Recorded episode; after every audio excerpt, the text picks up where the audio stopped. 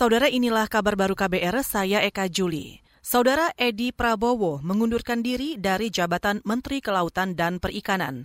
Itu dilakukan setelah ia ditetapkan sebagai tersangka oleh KPK dalam kasus dugaan suap ekspor benih lobster.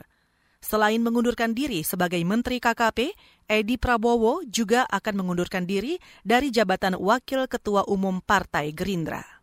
Pertama saya minta maaf kepada Bapak Presiden. Saya sudah mengkhianati kepercayaan beliau kepada saya. Minta maaf kepada Pak Prabowo Subianto, guru saya, mentor yang sudah mengajarkan banyak hal. Saya mohon maaf kepada ibu saya. Itu tadi Menteri KKP nonaktif Edi Prabowo. Kemarin KPK menangkap dan menetapkan Edi sebagai tersangka pada kasus dugaan suap terkait ekspor benur atau benih lobster. Edi ditangkap di Bandara Soekarno-Hatta sekembalinya ia dari Amerika. Selain Edi, KPK juga menetapkan enam orang lainnya sebagai tersangka. Antara lain Suharjito, Direktur PT Dua Putra Perkasa, selaku pihak pemberi suap. Mereka akan dijerat dalam Undang-Undang Pemberantasan Tindak Pidana Korupsi. Kita ke Jawa Timur. Bupati Situbondo Dadang Wigiarto terkonfirmasi positif virus corona. Sekretaris Daerah Kabupaten Situbondo, Saifullah mengatakan, saat ini Bupati Dadang dalam kondisi stabil dan tengah dirawat di ruang isolasi Rumah Sakit Umum Daerah Abdur Rahim Situbondo. Telah dilakukan tes swab kepada Haji Dadang Wigiarto SH, Bupati Situbondo, dan hasilnya positif COVID.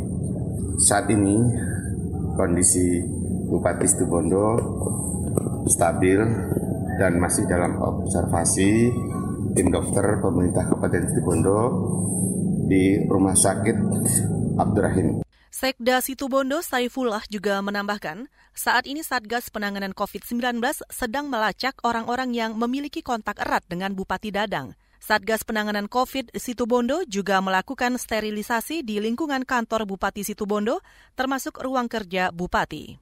Kita ke mancanegara, Thailand akan menerima vaksin COVID-19 yang dikembangkan perusahaan farmasi asal Inggris AstraZeneca paling cepat pertengahan 2021. Vaksin akan diproduksi perusahaan lokal Siam Bioscience Group yang berlokasi di Petum Thani.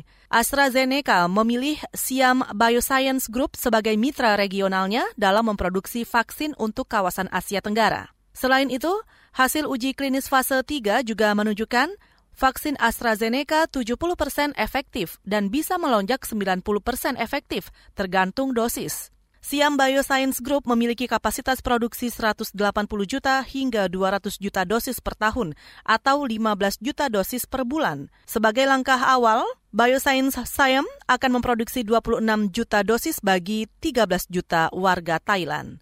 Saudara demikian kabar baru, saya Eka Juli.